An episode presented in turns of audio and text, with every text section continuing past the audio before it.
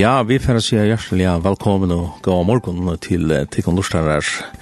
Til hese her sendingene av Bilge Langt, morgensending her og Lindene. Jeg heter Heine Lutzen, Tikkara Versler.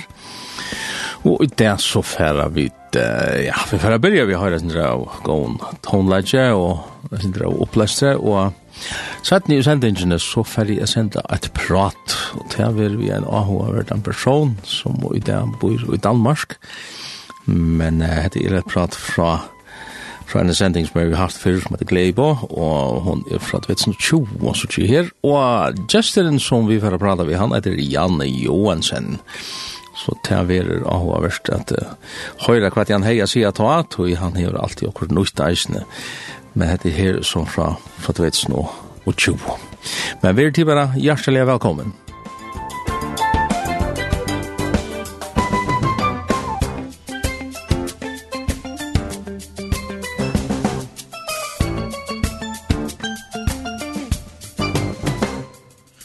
Jeg er ferdig at uh, byrja hesa sendingina vi at lesa ur uh, 4 Korint. Jeg halte vi for å teka ur kapittel 2 fra byrjanene her i 4 Korint 2. Til som man kan skal sitta heima et eller hver tid så er det ikke godt kan skal tidsi bøyplina fram eisne og blei opp av 4 Korint og Og da jeg så i livet så kunne de jo halda fram og eisen lort til å sjå det, men uh, det er godt at det var Guds år tja okkon til jo løvsnerven, om man så kan si at det er det som vi kunne leve etter.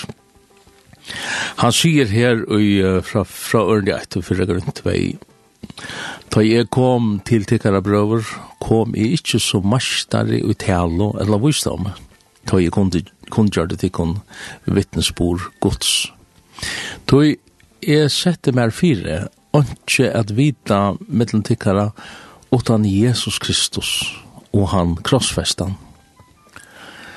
Og i hver tjatikon og i veikleika, øtta og miklare bivan, tala mun og pratika mun var ikkje vi ivetalande visdomsåren, men prekva av anda og kraft.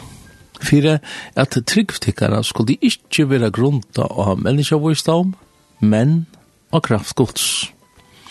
Visdom talar vi tå mittlen hinne folkomne Men visdom og ikkje er av hesun ei heldur av herranon og hesun heime, taimon og i verat landkis. Nei, vi tala visdom gods, hin lanta som duldur vær, og som god framan undan fra evigin tujen hei atla okkon til dult. Hendan visdom hever ongen av herranon og i hesun heime kjent, Tui kjente der han, hadde der ikkje krossfest herra dordarennar. Vi tala som skriver, til som anke eie hever seg, og anke øyra hever hørst, og som ikkje kom opp og hjertan nekkars menneska, til som god hever gjørst heimon til reier, som elska han. Ja, det her er, her er sånn jeg går i hesson, at uh, jeg kan ikke engang begynne at, at området der med vi kunne gjort alt, og til at spalt en sang som som minner om dette her. Etla vi kunne kanskje ja, det er etla vi vi uh, her for hitje til. Philip Craig and Dean etla der Crucified with Christ og det er sånn det uh, borte ur en av øren skriftsteg som snur seg om krossen. Det er nemlig han sier her i Galatabran 2.20, er krossfester ved Kristus er, og nå er det ikke langer jeg som lever, nei, Kristus lever og i mer. Og derfor av det høyre her, Philip Craig and Dean, er det her.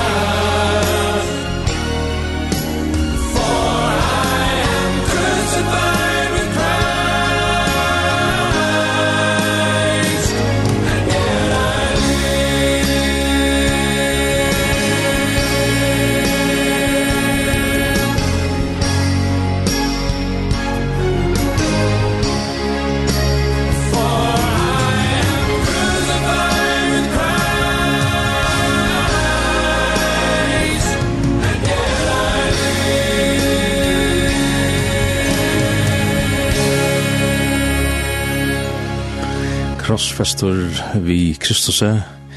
og allugav liv igjen til oss ut her og i, og i Galatabrannen kapittel 2 og jeg vet at det er sin torførst særlig at tja tja akkurat menneskene at skilja krossen at skilja hva vi tja hva det i er for nekka at vi er så vakt det er så ussalit og Og det er blivet sånn at jeg synes um, vannverst av det samme. Så lest er vi mennesker, alt det som, alt det som er vakt og usannligt og ikke er så grulig klagt og, og ja, at man hevder seg eller vinner eller og så er det det, det er sånn det blir vannverst. Og det er jo det som vi sutja og i i krossen, og til det som vi enda sier jo i evangelien, at, og evangeliet snur seg jo om krossen, ja, kun gjør det kun evangeliet, at Kristus døye for synder okra, det sa vi jo i 4.15, men uh, her, uh, ja, dette rør meg synder, at uh, hvor man til å være så, at uh, Herren valgte hendan måten altså at koma til okra og i eimjukleika, ui ivergjøving, ui her og han gav sitt liv, og at han kallar okkon til det samme. Han kallar okkon at fylgja og så noen fotafeton til det som han sier i Betsbrown, at uh, jeg har givet ikon fire døm i etter. Berande vann er og hansara. Og det er, ja, jeg vet ikke om, om uh, det krever nek gibber forklaring, og, og faktisk det, kunne vi slett forklare det, og sånn bare at jeg vil merke at jeg at det er kraft og hisen her, det er kraft og hisen, hisen er mye glegan. Jeg synes tar jo i, ta i imens tiltøk, så, så kanskje har vi et hova si ja, ja, men at det her er så ussalligt, og at det her er så, at det er så vakt, man kunne ha gjort det nek bedre, og man kunne ha gjort det nek større, og så Uh, men er det, er det krossen det snurr seg om, så er det krossen og i seg sjolvån så er det evangeliet i seg selv som er hendan kraften. Og nå så det, tog seg sin ut fra det som et låse her og Jani og i fyrirgrunn 2, at det prædika må inn være ikke vi ivetalande vustamsåren, men pregva er anta og kraft. Og det blir sin luftet, det blir sin til så er vi er og i tørtse men vi merker det og i okkar anta, vi kunne merke inn i og i hattar er det. Ja at det er kross til Kristus her, det er deg hans her fyrir jokkon, som gjør det, og tog jeg det urslit i er oppreisen til det, nå skulle Sjøen ikke, ikke glemme det, men, men, men det er fyrre som er, som er lukka som stige, hitt oppreisen, det er ordna godt, det er en, om ikke er naturlig fylkja, men det er tan, tan avsvitalige fylkjan, og det er onaturligt, altså at god kan reise opp fra deg Men det er her at han kallar okkon til, ja, sama luif, krossfesta luif, sette mer fire, sier han her, ikke at vita mittlom tikkara, utan Jesus Kristus, og han krossfestan. Hvordan kan han vita til mittlen okkara, eller tikkara, sier han her, Jo, til til at vi områda, at vi um, liva til, at vi heva samme holdning som Jesus, hentan her ivergjevande, eimjuka, det er jo det som, som krossen snur seg om. Det var en lyttenes deg som Jesus døg. Og det er det som han kallar okken til, at være lujen. Lujen feir søgnen, enn så Jesus vær til. Jeg halte vi færre at høyre Alex Bernsens nettopp synger en sang som heter «Jeg sa rastan lengt borster, ein vannverdan kross». Du kan prøve høyres i åren her, så fantastisk. Es a reist an lang burstur, ein vann virdan kross, eit mersi om pønslur og hav. Og er skilt han kross, her in elska jeg hekk, og all synden la onon ta. Jeg elsker en vanvyrda kross. Her min sal Hevur frelsuna sér Halde mig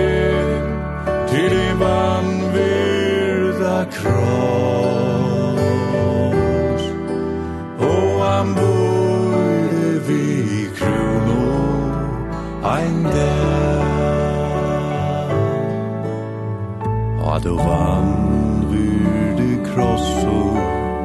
Lät aldri ein der Med skammast at bera tu spott Intil Jesus skal torska I seinasta tal Out hu jeg som många andra var. Jag älskar in vandrda kross Här med sa i vår frälsornas här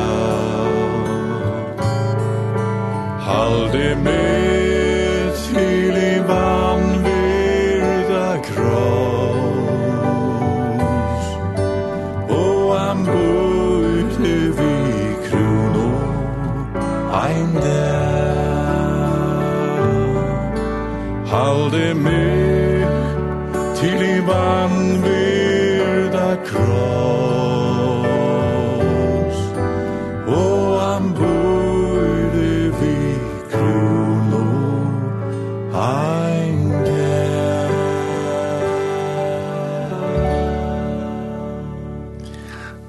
Herren, så alles han kær fyrir hon jeg sa rastan lengt bortur enn vann vid en kross.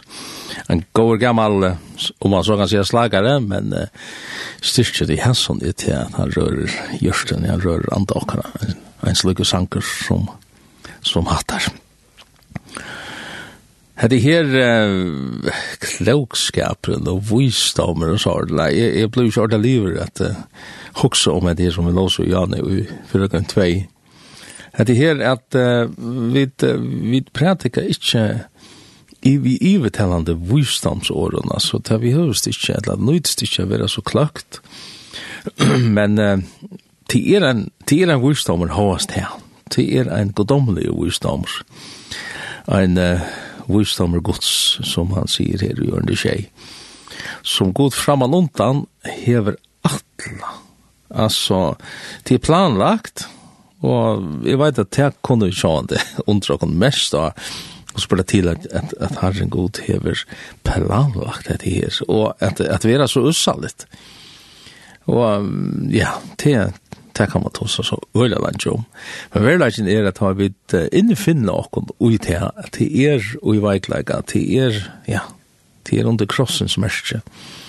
Så Ja, så kunde vi da gevast vi att øttast för att det blev förvakt. Att vi för att göra bort, eller att andra folk för att halda till att ja, krossen och evangeliet det er jo, altså, folk vannvira evangeliet, altså, det er, det er vidt av et eisning fra året gods, at, at, og det tog til en andal i kamper, det er ikke folk som gjør det, det er andaler 18-4 som hava hins reina og hentan her oppreisteren, og i måter matanen som god gjør tingene på han. At, at evangeliet, at årium om, om krossen, verur, verur vannvirst til han det er en parter av det. Og det er nekka som vi bare skulle fevna. Etla som Jeremy Horn synger her, Embrace the Cross. Prøv å lort det her. Ransom my soul To pay the debt For my sinful choices you embrace the cross. And made it your joy to take up my sin lay down your glory. Oh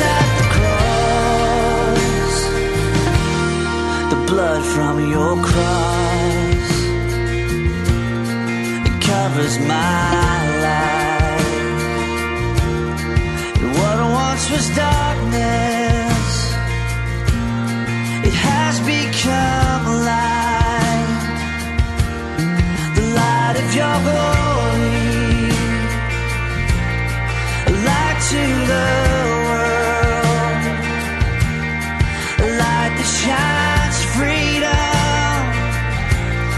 A light that shines. hope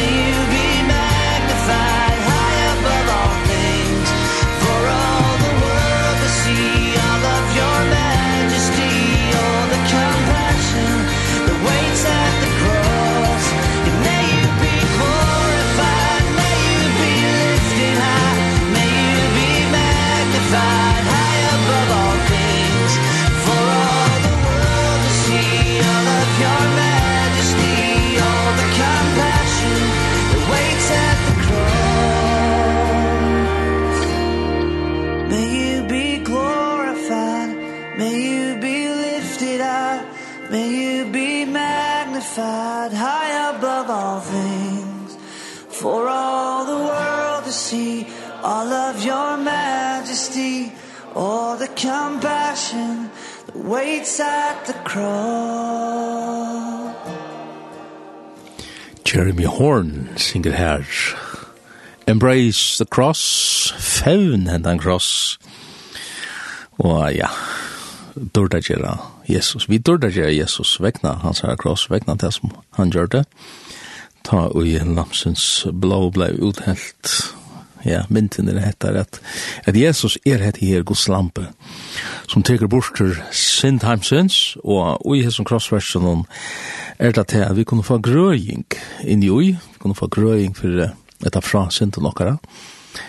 Fyre gjerne først og fremst, og sin til hever en egenleik av til at til eder, til eder opp innvendig fra, og undra det jag hur du hävdar som du hävdar så kan det vara att jag att jag det er en syndabira som du gonger vi. Det kan være at du er i synda nei, som, som et hotek som man har hørt. Jeg synder om, uh, ta, ja, fyrre tøyne, folk kommer nei av seg selv. Men det er veldig an den her, hesten her opprasteren i måte gode som uh, skapar et misljå inni ui, inni ui okken selv. Uh, Og her er det at Kristi kross, at blå lamsen som rann nir etter som krossen er grøying fyrir okken. Det eneste og vi skulle gjøre til er at ut i støvene som vi dyr ui er færa til hans her.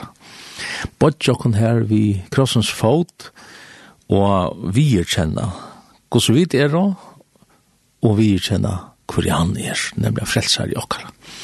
Så er snakk om vi ivergjeva okkara lov til frelsaren. Og ja, han er meir enn frelsar, han er eisen i harre, og harre betyr til at han så skal bestemme, han skal roa ui okkara liv. Jeg kommer også om uh, Rambravi 1, her stendet så leisne at du er skammest ikkje vi evangeliet. Det er jo kraft gods, tvørjun tui til frelso som trur.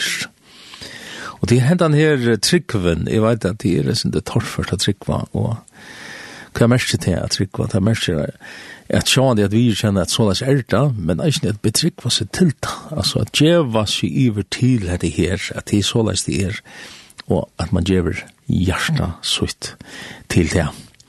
Vi færa om en liten løte at uh, høyre et prat vi Jan Johansen, men åren til så halde vi færa at høyre et le at at og man så kan si at Og i samme dår som vi da var spalt her til, det er Imperials som fyrir synsja, It's Still the Cross.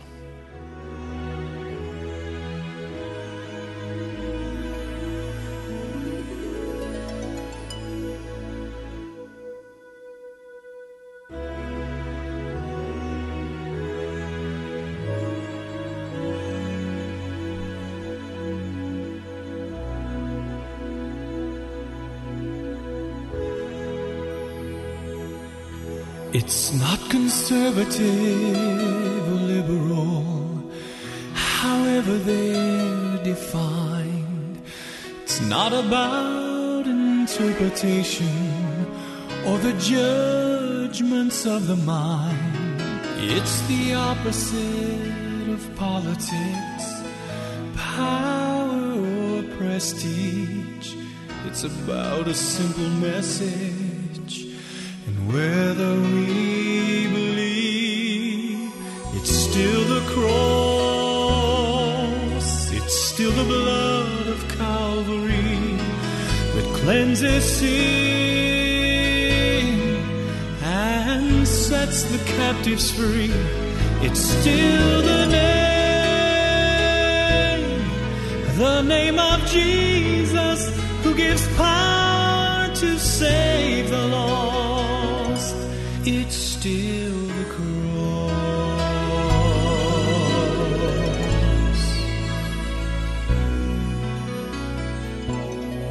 Well we can water down theology Preach a word to suit our needs.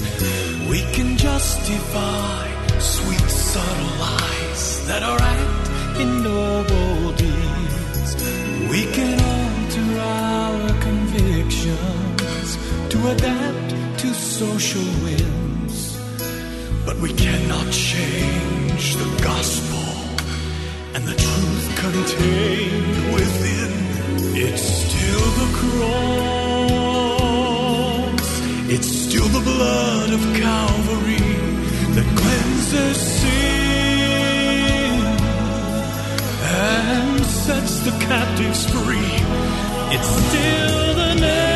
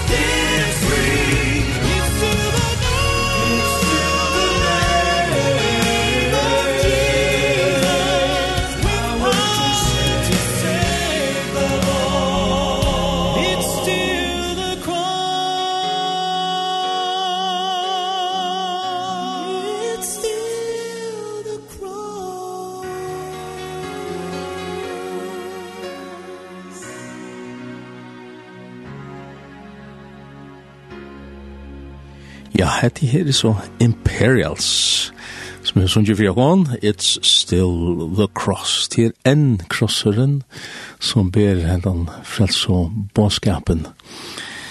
Og det er så satt som det er sagt, og det er det som vi da eisen jeg har hørt her til i sendingene, men nå færer vi og en annan begg. Jeg har jo haft en sending, og jeg har en enn, eh, sånne kvalt, som kallas for Gleibå.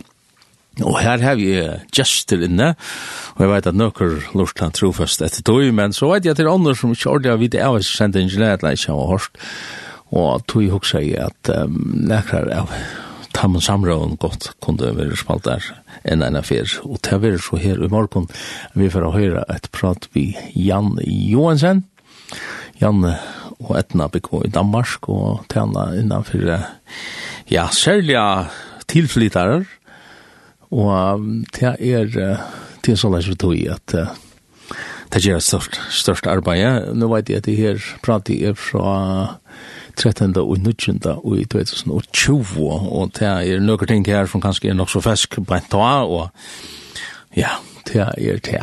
Men ikke du at uh, prate, og det som vi kom inn på er så mye godt at jeg alltid det er verst at, at lufta etter. Janne og etna blea vitjer var Jonsøysner er og ha, og det kan være til at han blir sett atter, så, så kan man høre han meira og oppdatera han forme. Det som er, jeg synes spesielt vi Jan, det er, ja, nå prater jeg, sitter Jan, eller hoksa jo med det her, en den veikleikan som, som er, og det er det som, som kanskje omboar han er ikke at, at hvis man kjenner hans herre forstå og hvordan, hvordan han ble herlig frelster fra fra alle møljen som han var bonden av og rosevnen og, og hva var det og så gosse i herren kan nøyta en slik person. Til er fantastisk. Så jeg hadde vi færre bare gjøre det vi færre stille iver til hette her prate vi Jan Johansen som som vi hava her. Takk for. To um, Jan Johansen. Han er hva skal du si om Jan. Er du han av meg, eller hva er still? Jeg er han av føtter i havn, eller ja. ja, så. Og hva er du alltid han av meg, eller hva? To fire, fire, fem og fjøren, så jeg tar skiftet i statsborgerskap. Ja. Så nu er du danskar? I, ja, jeg har bodd i Danmark noen år, men jeg skiftet til den andre statsborgerskapet. Ja, oh, hva da var det? Fra Filippa 20. Ja. Hatt det godt. Så, så det er 25 år så igjen at uh, Jan Johansen ble Petra Nudsen. Ja, 25 år så igjen. Fantastisk.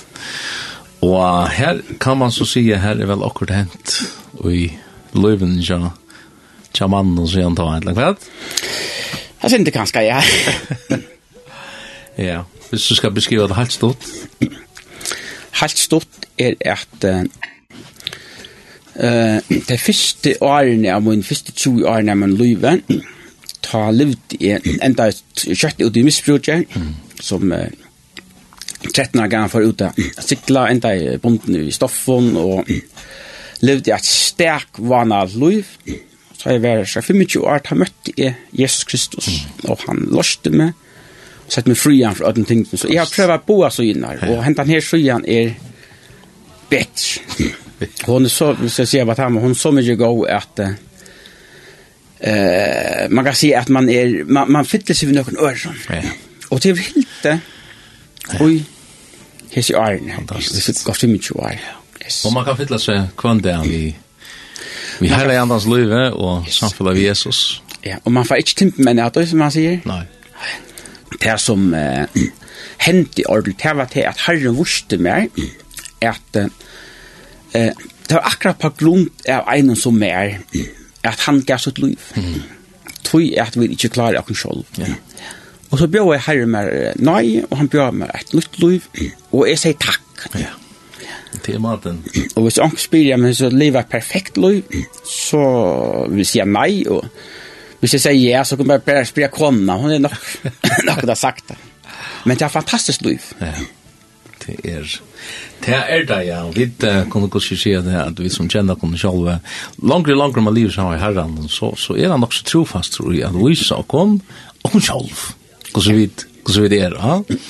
Og særlig at man så for å lese årgods, så er det som en spegel, spekla den jo gav, vita, vita gostos ut, ha? Ja. Eh, Jakobs pratar oss ju om, om det här. Og onke det er det jo ikke grå pent. Det, det er, så sier man, ja, men er du ikke frelster? Ja, det er en frelster sin der. Og, og rett og kjør kjørt i, i Kristi blåe, men Herren kom og frelser med fullkomlig. Ja. Så la så ikke hva det er. Einig, ja. det er akkurat, det er akkurat det her. Og her er det eisen til at uh, Da man tossar om, hvis man, hvis man er blitt fyrtjeven, så er det bare sånn at de egne og Og det er nekv som ikke er pent og gjerne mennesker. Ja. Og vi faktisk gjør alle mennesker. Ja. For at, jeg pleier å vente at hinvei nå at hvis det ikke var nøyot, så var jeg, så prøver jeg ikke at det er flott. Det er nettopp tog jeg vidt høtte. Ja. Og til nettopp tog man er bruk for at bliva som er kallar det. Man blir født av nutjon, man blir det som man blir, man blir fast frelst innvendig, så man, man blir forandret invändigt. Ja. Frälst in ju, ja. Frälst in ja. ja.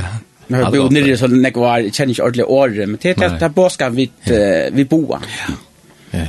Ja, det är här sitter du deilige gå år og det her som, som jeg tykker virkelig skal, skal våge seg ut, at, at Herren, han, han vil ikke bare gjøre oss en billett til himmelrøyges, og så, og så vidt av det ikke mer, men, men han vil slippe inn i hjertet. Han vil frelse oss fullkomlig Og det er, som du sier, det er inn i.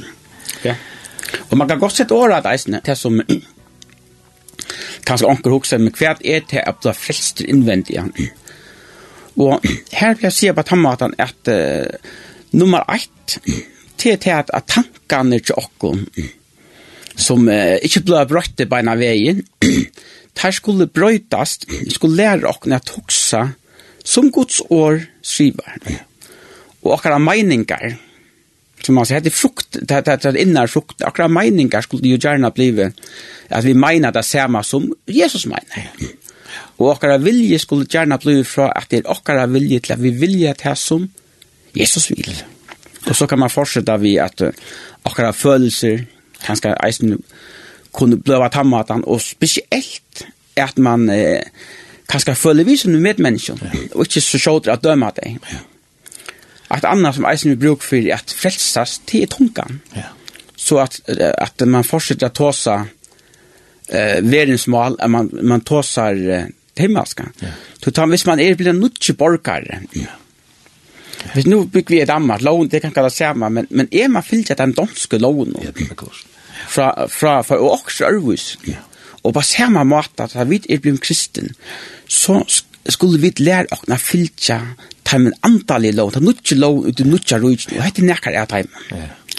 Og hatta få vi bare ta vi bruka tui uigotsåret, og, og, og bodja kom fyrir tui, så, så hender Ja, så hände mirakel faktiskt at, at, at vid mennesker, vi blir till at mennesker brøytast. Ja, god kan gjøre det. Alltså han han till möjligt til honom. Så vi snackar ofta om underversk og mirakel så har det onkel blir friskare så har men men Men har det her dagliga miraklet at, at, at jeg kan bliva og, og liva et nytt liv i fri honom framfor hans rasjon, det, det er et mirakel i seg selv. Det er, det er, det er stor nøye, altså. Ja, ja. sikkert. Og det er sast. Og Jesus sier jo eisen til at uh, altså, jeg husker om Jesus, han gav oss på ett på. Mm -hmm. Jeg vet eisen kvinne og tjøkken og ærene. Så det var ikke nok for jokken. Men han sier jo at hvis vi lærer at elska andre mennesker, så som han elskar jokken, så vil det öll mennesker få vita at vi hans er lærersvenner. Ja, ja. det er, hatt er godt. Ja, det er bare godt og alvorligt, eisen. Så man kan sette spørningen om, uh, man skal ikke døme ånden, man kan sitte døme seg selv om, om Kristus er är i okken. Men men men hade hade kräver den här even naturliga kärleken från honom alltså det det vi har han det själv va? Det krever at lesa Guds ord och ta ständigt skriva sender for dem skrive, at vi elskar tog han elskar tog han elskar og, og, og er stender at god elskar i fyrst at han gav ja. sin son Ja. og ta vi skilje hese tingen her ta kan Kristus liva vujar i okkom. Han lever sitt liv. Liva sutt liv i okkom, som han vil. Det her er, det er flott. For de som kanskje ikke kjenner Jan, Jan er veri i, i lenten nekker fyrir fyrir og fortalt om om sitt liv og sina tjenast og jeg halde jo for fyrir tega en lyntur og og kvart er til uh, Gjerst, uh, ikke bare Danmark, men alle mulige stedene og, og kanskje onkrar highlights ur tunn opplevingen. Eh, men det er virkelig godt at vi kunne byrja, byrja rett og, og, og byrja vi gods året og ikke bare færa til, til uh, hva vi hva fantastisk ting kunne henta, men jeg hadde vel til vi vi vi skal spyrja altså hva hva hva er du måste si hva har du vært til senast og hva tog jo arne og i tennast alltså jag har vært i sier på at han var herren, han kan bruka det esel, så han kan bruka med eisene. Men vi tar vi tar verre i størst akkurat opp i Afrika, og vi tava størst akkurat opp i India, og vi tava størst akkurat opp i Miestre, og vi er forskjellige steds. Og, og, og, og hvordan fungerer det sånn her? Er, er det, er, altså, kommer det bare plumsanten nere av himmelen, at det sier tingene, hvordan fungerer den sånn i praksis? Ja Altså, jeg kan uh, ta lengst söva men uh, det er for eksempel da vi flott nye, vi startet det afrikanske, vi har troa samfulla i Danmark her vi har afrikanske kyrkjer, uh, og her har vi kyrkjer i uh, flere getto og vi tar kyrkjer i Voldsmåse, vi tar kyrkjer i att det är gäller och passion och här har haft haft flere år og sånt. Og så sier onkel att det er jo fantastisk, men det er alltid en söva åren. Og tar man, tar man, det første, tar vi starta i, det var oppa bakka. Oppe bakka. Oppa bakka, ja. Til, men, men man starta, man, man handlar. Ja. For ut og, man starta bo evangeliet. Og tar man så bo evangeliet for folk, og så må det være rett evangeliet. Ja. Så hvis folk blir frelst på rett måte, ja. så gjør det evangeliet vi gjør. Ja. Ja. Men det er ikke noe som kommer av seg selv. Ja Og her er, her er nek folk haft a haft hafta ringt, eisen er her nere i, altså, i Danmark. Folk, men ikke nek vært heima, men, men, og som altså teker jeg her, hina kyrkina tjokken, så har vi til nok, nok, nek føringar, så er det ganske Facebook, vi innflytta, som man sier, pallar i bøyblom, så vi har en, en, en Europa-kyrkje, eller kyrkje vi muslimer som blir frelster, ja Og man kan så fortelle nekv om det, men uh, det börjar vi at Herren han bröt mot hjärsta. Ja. jeg at det er mer dom ikke muslimer. No. Så skulle vi være ærlige i radioen i kveld? Ja, ok, jag takk. det.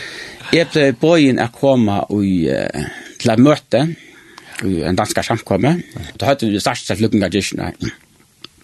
Kom nok muslimer vi, Og det ene familien, det her familien er en høyt, en høyt standard i Hamas offiser. No. Og jeg har aldri oppleva så nek hæter, altså, det jeg har nek mennesker, jeg har aldri oppleva mennesker som var, det var så fotla hæter. Jeg har også så mot, og Særlig så var Gina, jeg vet ikke, jeg har aldri tås akkurat om Kristi Kærleik eller akkurat. Gidi, jeg minns ikke hva det var.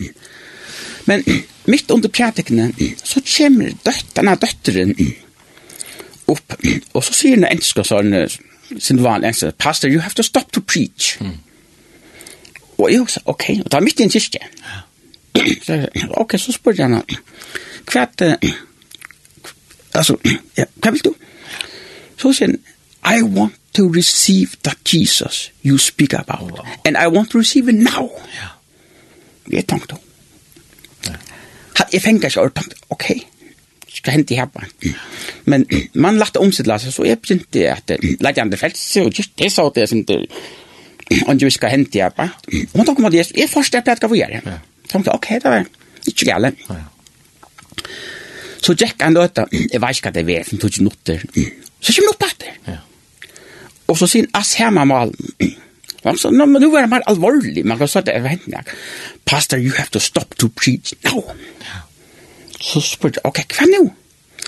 My mother and the rest of my family, they will receive Jesus. Wow. Oh, they can't wait. Ja. Det vil de öll måte takke Jesus, ja. öll familien. Öll familjen, og det skal vi her nu.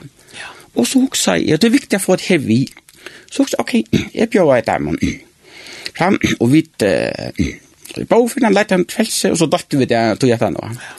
Men te møte brukte herren, så då det suttja at en time og æren, ta i tåsa vi sin mennesken, jeg vil alltid oppleve sånne mennesker.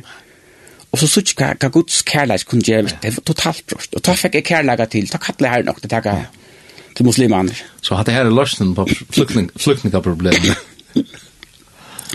Vi, det er helt stort, vi starta så da flyktninga kom i 15, ja så fikk jeg en gåan uh, vinsja med at uh, leia nek et, et skulder. Og vi hadde betalt. Og så bjåa vi nokre asylsenter ett og ett hver er vi, så jeg halte seg ære hver av viken. viken. Høstad, så ikke det er noen gang fortelle, nå så lenge siden det er. Og man har jo ikke lov å forkynne om Jesus for dem. Så vi hadde en, uh, kallet konferanse, vi hadde kallet integrasjon, Og vi talte, talte for dem om integrasjon, men om hvordan man integrerer i himmelen. Ja, ja det Så kan det være sin evangelisk og lukkave. Og jeg, og jeg tror, det var der, at det hendte så åttjulig enn jeg, det var den jeg ble frelster, det var en 2015 da som ble frelster, og jeg kom til bare, bare disse leirene som var, og det skapte jeg størst problem. Så så stod vi plutselig ved en rik, og man, man kunne ikke ta oss om det. Og nekva taimon, hesne hesne mennesken her tefingsla i Danmark.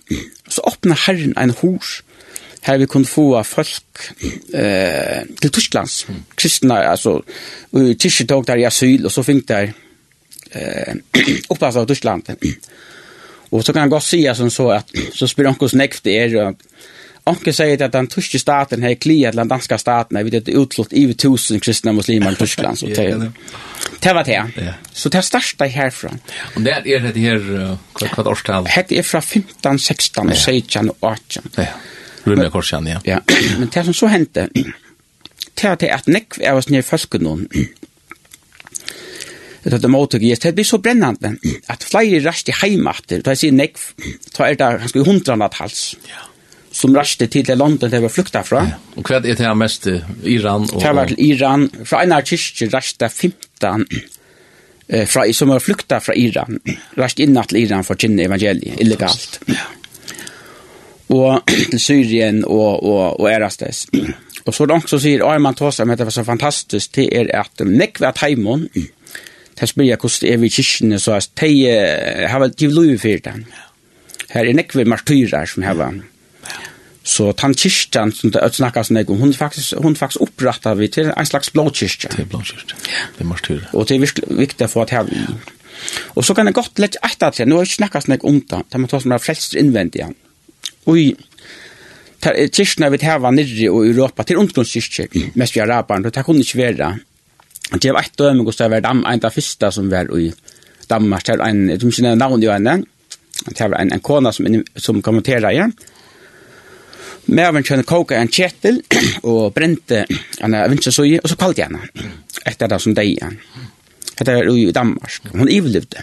Det er et gods mirakel. Hun tolker i kyrkjen i det. Men han ble blekkere fangsel, og så blekkere landen. Men det kunne ikke, det kunne ikke liv i frihet.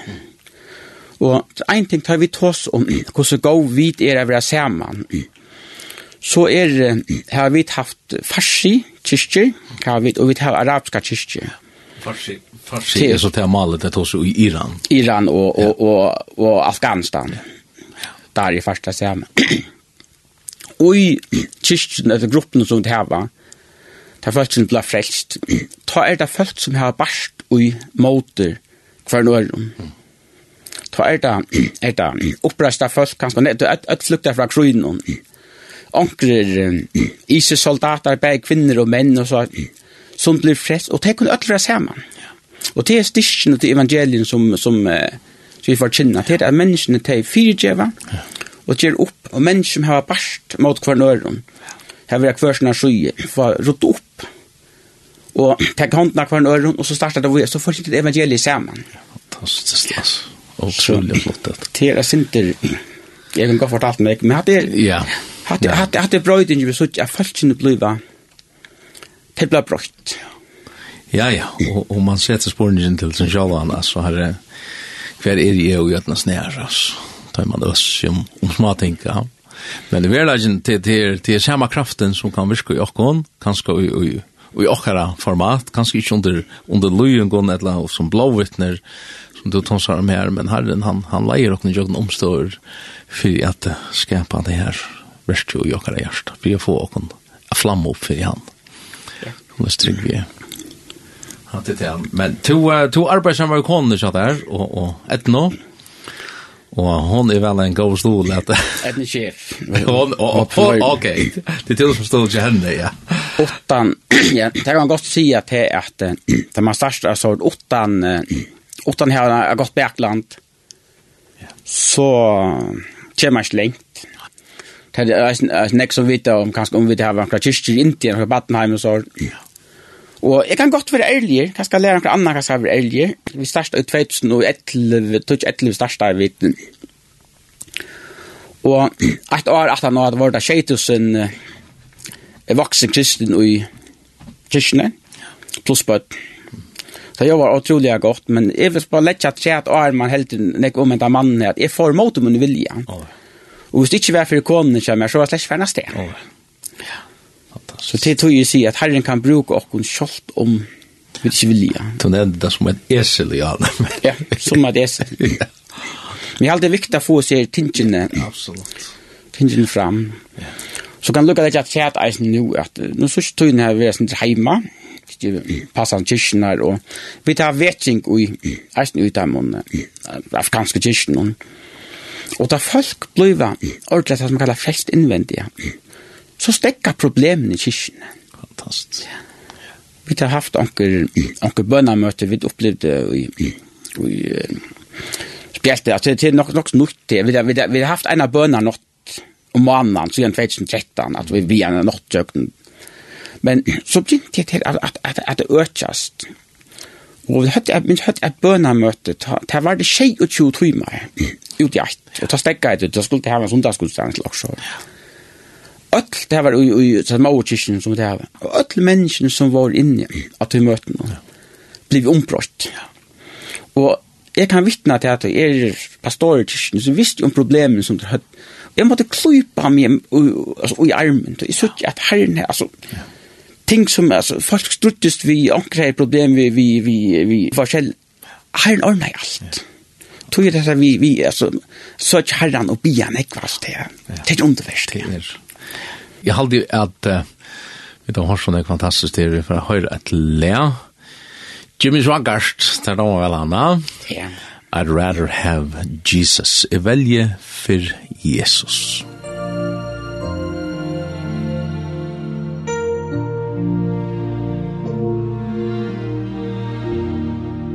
Oh, I'd rather have Jesus than sin silver or gold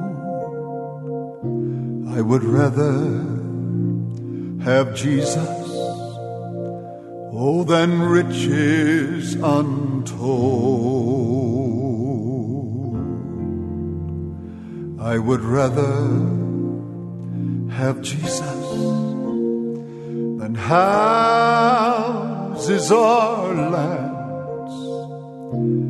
I would rather be led by his nail scarred hand than to be a king of a vast domain and be held in sin's dread sway. I'd rather have Jesus than anything that this world of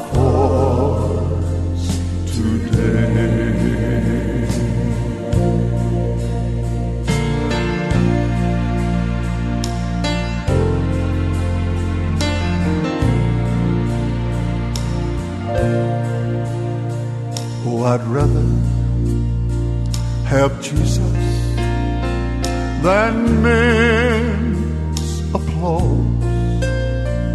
I would rather be true to his dear cause. Oh, I'd rather have Jesus than worldwide I would rather be true to his holy name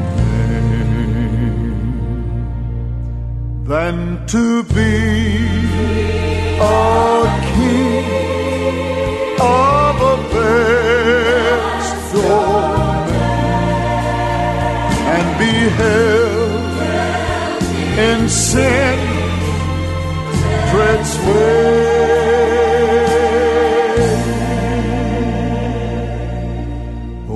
rather have Jesus than anything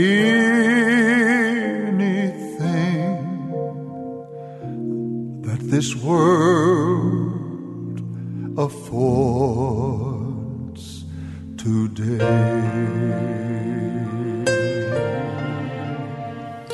Jeg velger for Jesus en godlofell Jeg velger for Jesus en heier manns. men betri betre er æren at være hans. Tid som uh, akkurat her var skruen og lintene til um, lortabart nå, etter sendingen er glede på, Og henda sendingen, hon er nok så avhaver til vi det var en gest, og han heter Jan Johansen. Han bor i hver Jyllande. Så Jyllande. Ja. Haderslev. Haderslev. Så Jyllandet. Det er sånn for kolting, eller hver hver det är for för kallt, inte yeah. kallt ingår. Här som man sier moin. Ja, oh, moin. Moin moin. Ja. Moin moin. Ja. Vi har hørt, uh, i minst, å, hun har vært, värst Först eh Martin Sorell var byrjan, henne, henne han du få vi just en tjäna vi men så er han ferdig fortälja från fra sin tjenest da, eller tarra tjenest under i i Danmark här i Jan och og etna konan driva ett ett fantastiskt arbete i mitten utlendingar för det mesta av imskonsläv. Kan man säga, ja. Kan man säga. Men men här är väl onkel danskar i mitten eller vad? Hur hur ser vi då? Jo jo, vi är några. Vi har haft så några några dansmöten, alltså. Det var några danskar så arbetare som som jobbar till eisne. Ja. Men det største øll så som er samlet opp av gøten som har kommet til møter, kommet til utfrying, herren sette frihet og sette i brand for herren. Ja, ja og, og ut, nu nevner du utrøying, altså, det er, det er opplevd og nok som jeg har skilt alene om at mennesker ble forløst fra dæmonen og imenskånd drasle eller hva det? Det kan ikke avvisast. Det er en parster av evangelien, så er parster er skilja hva det er, da man tar seg med bunten. Og her pleier jeg å definere at hvis man er en person som er bunten, enten gjør man noe som man ikke vil, eller vil man gjerne ger okkur som man ikke kan. Ja. Og så her, jeg skal lukka få at jeg først en sånn tesis, hvis man ikke skal få evgevind, til til at man kan ikke krossfeste dæmoner, og man kan ikke rekka kjøtt ut. Intressant, ja. Til, Her som måneder her, ja. ta man hevet her, så, så, så blir det nekka sunt, annars blir det osunt. Ja. Men hade hade vi som köttar någon hade här hade här ser man ofta i hoa bara skylde på demoner men vi är liksom är akkurat som du säger här att det ska crossfestas. Kött ska crossfestas och andan hvis man är bunden så ska det räckas ut. Ja. Fantastiskt. Det är rätt rätt vill jag inte bunden. Ja. Och och hvis jag skulle ge oss det då att att om utfröing fungerar nå då så så är det så inte ni om det. Du så du upplevde det Vi sutja da, vi har ikke haft sånn ekka tøy nu til det, men da vi kom nye til det, Danmark, da hadde vi det, vi skal kalla massa utrydningar, men her kom nekk folk, det hørte jeg, det hørte en sånn tjeneste, og der kom folk nekk var sett fra, så ikke kunne få hjelp, og da hørte vi det ordentlig, massa, en, en 34 mennesker sen, så vi funnet det, virka det vi egnet, så virka det vi, vi nekk, og, Og det som er så viktig vi nekvun er at det ser at det kommer fra øren samkommun, altså kontakta okkur og vi hjelp til unge mennesker. Her er mennesker kan få, hvis, hvis det er plava ganske av, av omkron, nekver plava av, av sånn her, til det ta lov i oss her, nekver unge eisen i kyrkjen og sånt, så har vi haft nekv som flere av teimen som er kommet og för det blir fyrir, og som er, som er, som er, blir fri fra tog og sort. Og det er viskar evangeliet virker, det er som det er som skriva viskar.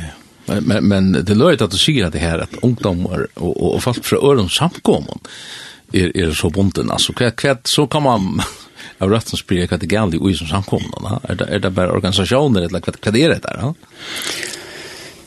Ja, jeg vet ikke, men hvordan man kan si at det Hur ska man säga det pent? Ja, alltså onkel tänk nu blir det så gammal så jag tror inte jag säger att inte eller pent men men hur man kan skilja det. Ta vi ta som om om kristendom så är det en Kristus. Och han Kristus som man kan läsa om Johannes eh, 6, han säger att er er veveren, det er sett den eneste veveren, er sannheten den eneste sannheten og er, er løyve, det eneste løyve. Og det er å si det samme som, og så sier han det neste eisen, at ånden kommer, eller kan komme, og gjør til ferien, og den gjøkken med. Det er så tåse om, om Guds samkomme, så skulle Guds samkomme gjerne være stort av gode, Onke du, jeg tykker vi ikke hender i følgene som er godt, så la oss si at det er nok som er ganske utalanta. Så kommer det egen interessen, at man hever en samkom her endret, man, man skal passe på så man passer inn i samfunnet. Det er man forkynner ikke om uh, det, viktige sannheten her. Og hvis man, altså, gjerne prøve å forklare det her, kanskje for det er ikke ilt for omkring, men det man vil her vi. Jeg sa, og da jeg var i Indien, jeg har sagt herren om det, jeg sa da jeg var i Indien, Her har vi kyrkjer, og okkar kyrkjer er så midt i middelen. Så her vi har, vi har politi av møtene kvønn, sånn at det, en, en, en politist er knytt til hver samkomme. Så skal passe på at ikke, man ikke får kynne hva for staten. Men det er fast med blir dripen, onker blir dripen, onker hentinga. Men i en stat vi synar er, her brenner det eksisten, og her dreper det eksisten. Vi har det godt her. Men ut i byen her som vi tar høyesteina nå, her er ein kyrkja, hun var fri. Musliman er der som er elskana, og hinduen elskana. Og jeg hoksa jeg som så, det er mørkelig, det er løye. Jeg har så funnet det av eisene at og i Iran, her som vidt eisene her var hypotetisk, han kan ha stått omgrunns kyrkja, her eisene en kyrkja som fer fri. Ja og tors kvinnen, det er en kyrkja som får fri. Og så kan man huske om kvui få kyrkjene fri. Jeg så ikke det i Danmark, få kyrkjene eisen fri. Jeg vet ikke hva det er fyrir, det er... Men måneren, middelen, kyrkjene, det som er så tjokkon og det er ikke det er perfekt, det er kanskje det mest operfekt kyrkjene, du kan jeg si det kanskje. Og hina kyrkjene i Indien, det er vi forkynner Kristus, og det er forkynner ikke Kristus. Og hvis man leser apostelsøvnene, så søtter det seg seg religiøse, at det ikke forgjør alt, to seg bare ikke Jesu navn. Og er rettelig viser ui, er at hvis samkomman ui Europa, byrje at tåsa det som man kan si undergrunns og det fina samkomna er tåsa er, så fann man noe der hva for andre bo her. Og det er noe som jeg halte kan være i færre skreiver, Men kvoi blir menneske ikke frelst. Det tror jeg man ikke får kjenne evangeliet. Kvoi blir menneske ikke, ikke grøtt, eller eller forlåst, tror jeg man ikke praktiserer Guds kraft. Kvoi blir menneske ikke endelåst innvendige, til han ikke forteller deg sannlagen om fyrtjeving. Og disse der omvendinga, vendt om fra det gamle livet. Så jeg, hva som du skiljer hva det mener vi, du har en, en, en, en en organisation och man ska passa till. Ja. Men vi som kyrka er einans kalla til a passa til mm. okkar Herre Jesus Kristus ja, og forkynna hans år. Ja. Tog som jeg sier, åttan av er hans vei er man forkjørst. Ja. Åttan av er hans sannhet, liv man er likn. Ja.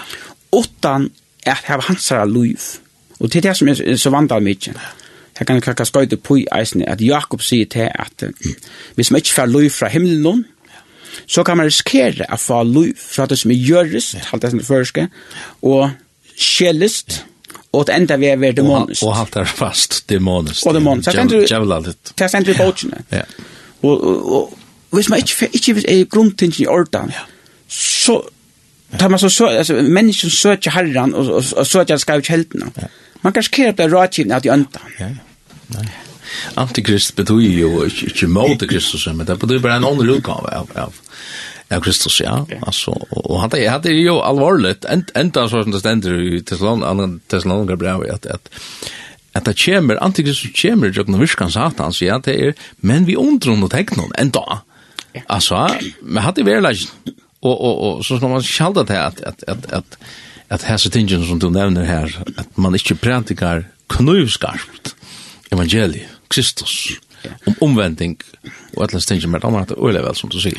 Jeg kan lukka litt, jeg kan skatta til at eisne, tar man tåstar om, om troar, ratningar, så er det sålas, og London for eksempel, og i den arabiske London, er flere troa ratningar, på som det er her. Men alle troa ratningarna her har et eller felles, det var forfyllt. Så det lukka mykje, det lukka mykje hvert hår til. Tui, at de forkynner Og, og det er så veldig viktig at jeg skiljer det, at, at vi er ensamkomma. det, det er bare ensamkomma. Og god samkomma, selv om man er ganske av enig nok ting, eh, skal samta saman. Ja. Og, og hvis man hikker et hva man er enig om, hvis man skal hikker et, er det at vi skulle ha rett, vi skulle være bedre enn henne. Hvis, det som, det som er så, hvis fyrvirrande isis-krutjare og er kunne liva saman, ja. kommer samme kyrkje, ja og vi ikke kunne det, så er det enten nok gale ved teimen, eller kanskje kunne det være gale ved okken. Kunne det være. Kunne det være, men sier jeg, vi er penere det. Ja. Nei, vi skulle absolutt ikke halte det, vi har alle sannleggene til kjære ligger, men, men, men det er skarper, altså, hvis, hvis, uh, hvis det blir så fitt og så, og så blett, då vi skulle ikke støyde nekran og sånt, så, så er det ikke kvast. Og så, så kan det heta, heta tog ikke svare som har en utgivet og at, at, at prædika, så kan det ikke gjøre sitt verk. Alltså hvis man skal, man man man skal, man skal sucha det man kan tåsa Guds ord i kärleken. Så väljer det nästa som tåsa Guds ord i fördömning. Vi är nere jag vet kan ord man brukar men jag kallar det en ny farseer yeah. som som som uppförs action gamla farseer. Yeah. Men allukkala som man det är så viktigt är att människan som eh människa kunde få det gott vi herran. Människa kunde få fri komma komma veck från fördömning. Men och till till uppgåva tja hiren att fortälja sannleikan och Guds kärlek. Så som jag säger, tog jag vid skulle elska mennesken lukka som Jesus elskar. Ja. Jesus elskar okkur, men Jesus han fortalt sannheten. Ja. Og vi skulle ikke være bensjen for å fortelle sannheten. Du, ja. Jesus sier i Johannes 8, 31, 32, 32, at sannleikjen, hvis vi skiljer sannleikjen, ja. så sier sannleikjen i frihet. Han skal si at det ikke blir frals. Det var ja. Fantastisk og flott. Jeg halde vi få tog til stuttan sangatræt, halde vi for at uh, nu har vi varit sin skarper vi för att till en skarpan for her som heter Keith Green Asleep in the Light.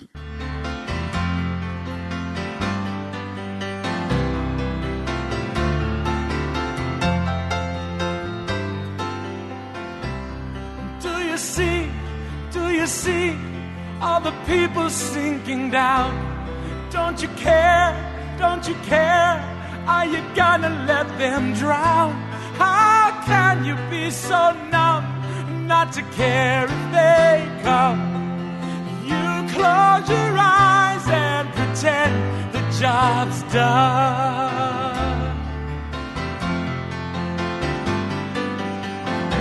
Oh, bless me, Lord, bless me, Lord.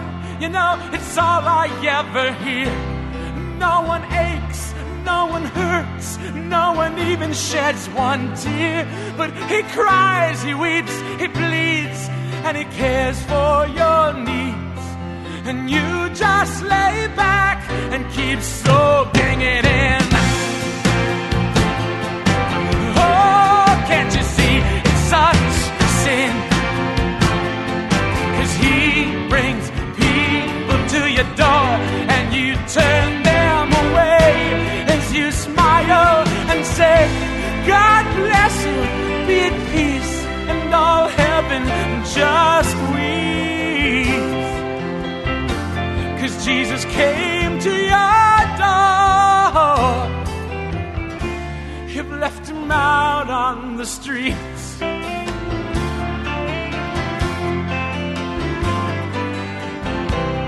Open up open up and give yourself away.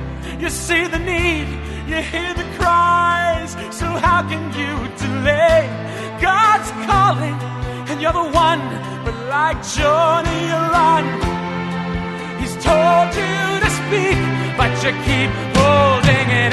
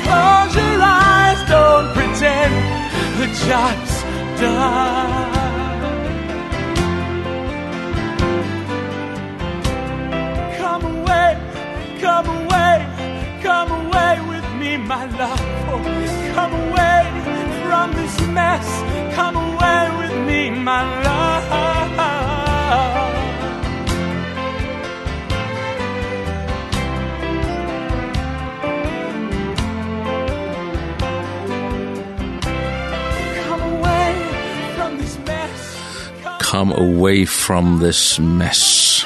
Kom borster fra hesten herre. Skilje til Konrad Amon sier han, og han det her er en sanger til Keith Green, og han siterer seg andre borster bøyblene her i han talar til brorsøyna om at nem jeg ikke årent til kjenne den skriftsteg her. Som jeg har sagt før, så har vi den just her i Udarpstående i Lindene, som du lortar etter. Han er der en Jan Johansen. Vi tar høyre nok så vi alltid, ja. Ehm ja.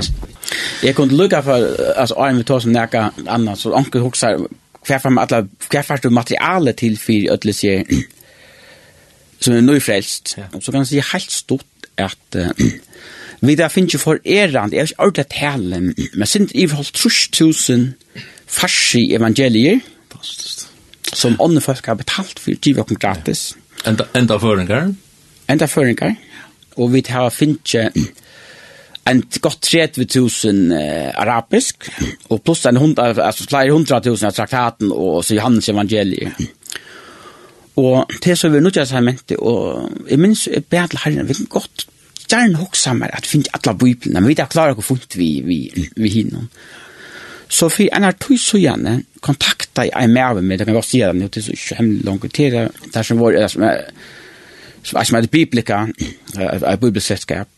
Så jeg sa, vet du, har du snakket problemer? Så sier han, hadde vi problemer, Så jeg, men det tar noen var så nei, vi har bare noe testament.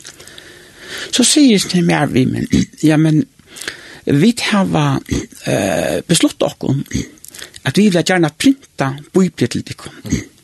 Jeg har også kvært. Så, ja, men, tar, tar, så spør jeg, hva vil du hava? Så hoksa jeg, ja, hva vil jeg hava? Skal jeg tåra byen tusen? Skal jeg 500 av kvarjon? Men så pratet vi, spurt hva det er bruk for. Så sier vi, hvis jeg fikk han 3000 arabiska nu av starsta vi biblier. Jeg kunne sagt hans bruka. Og han 6000 farse biblier og så nekker franska. Så. Ok, sett det. Så, og det første lagret er, er, er kommet nu. Finnes trutja plattar og så. Så på tamma at han sier til herren fire. Ja av folk som vi ikke kjenner. Her finnes det for herren at de skulle syrja fire at Så man blir bare for å få her vi eisen. Og hatt det prekka bare det til herrens versk, altså. Det er ikke Jan Johansen som går rundt og finner på forskjellig. Nei, jeg vet ikke om du vet hva hvordan en biblia kostar. Jeg halte at det første lag til å printa print og ska 20 som biblien var størst av i. Og jeg tykker ikke til noe samkom i følgen som har klarer her på standande fot er kjøpt 20 000 hele biblier. Nei Franskar, eisen sier ikke, altså, jeg har det samband, jeg har det samband handla med, eisen, ja. Vi heva, at det største arbeidet til okken, det kom eis fra Danmark, ja, at det var onkra evangelisten til okken som blei utvurster, som ikke fink det er oppe av sløyve, og det her tøpp helst i Tyskland, men så åpne herren en en hore frankar utje, ja, her så finner det ikke nekve, jeg finner nekra, men nekra ordentlig brennande. Og i det er det flere, jeg kan se på tannmaten, at her færre, her får tusen arabiske heilbøyblir til okkara folk her, for 3000 farsibøyblir og 6000 franske. Så kunne ikke alle råkne ut hva det. Her er nøkva til samans.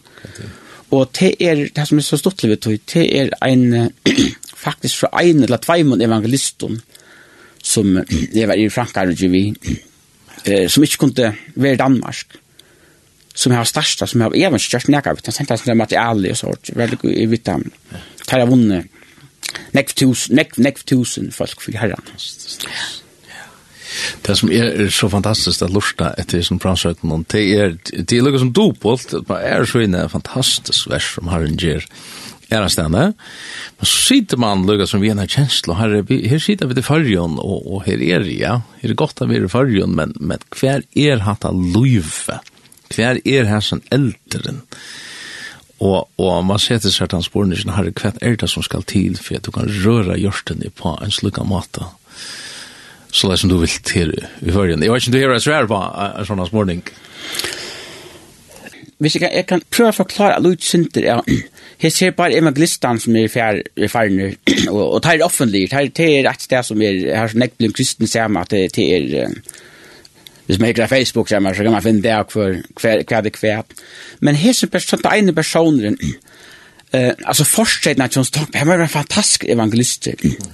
Han fikk ikke lov over Danmark. Han ble smittet ur Danmark så kom til Tyskland. Jeg helst, jeg vet ikke, jeg husker, du sitter ut i tru år i Danmark, og du røyner for papyrer, og så får det vidt, du kanskje være her. Kalt man tant Kristus, trolige. Så går det fra Tysklands vi gjennom, det kan helst være. Så, så det er ikke det fortsatt når det går her.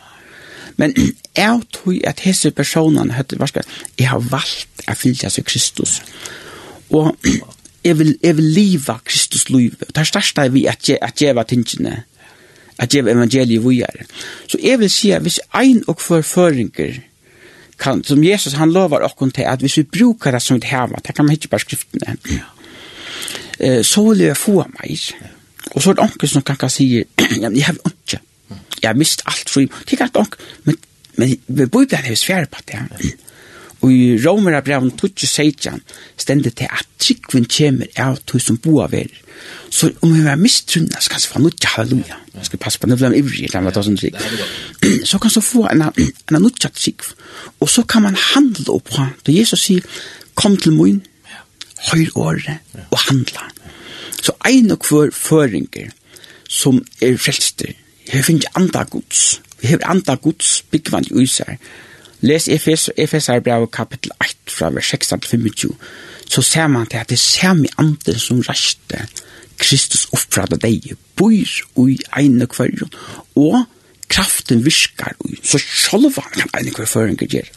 Jeg påstand eit eisne, at alla fleste føringene kunne gjøre det nekk bedre vi gjøre det. Ja. Allt låt at, at, att höra det her at, at Herren han ja det er nesten så läsnar at, at han brukar det som som som ikke forstår seg selv om, og ikke forklager seg selv om. Hadde jo Ørlia Bøybels, han sier jo så leis at, at to valgte, da han, sier, han, han blir til feiren, to valgte at åpenbere etter her for småbøtten. Og da mente han vi tar lærersveinene som, som kommer bare, og er som bøttene. Særlig det fatek og i antan, sier han.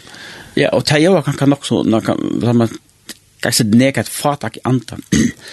Men jeg vil si bare ta om at det særlig det fatak i versens antan. Ja. Ja. Tui at troplast er til at man djever a sindri av luven i Jesus, men man gjerne har okkur sjolv. Ja. Og tog sier Jesus eisne at hvis det ikke vera som bøtt, eller jeg vil si på annan, hvis, det, hvis man hever det samme alit i herran som bøtten, så rikker det. Og så kan man lukka skvart eit på et træt, uh, der man tar som trikv, altså sjolva trunna. Så spyr jeg for at, ja, men, jeg har ångat det, i stora trikv.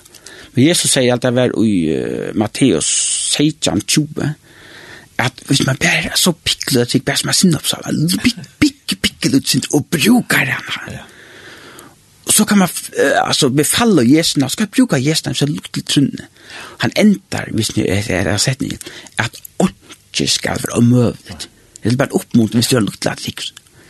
Ikke skal være møvet hvis du bare brukar den. Det pjør ikke være et fræs som, som en kokosnøt, og hun er større. igjen. Det må være en stor trygg. Nei, det er ikke det som skal til. Det er det som vil bli plantet i, i herren. Det er, er fantastisk og flott at, at høyre.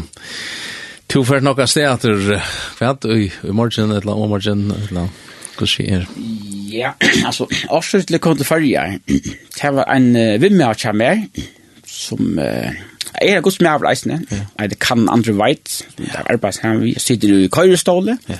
Han ville feien komme til farja, og han ville fære vujar til, til mye ester. Det er arbeid også. Det var sammen vi hånden en weekend, og vi fann i rett i morgen. Ja.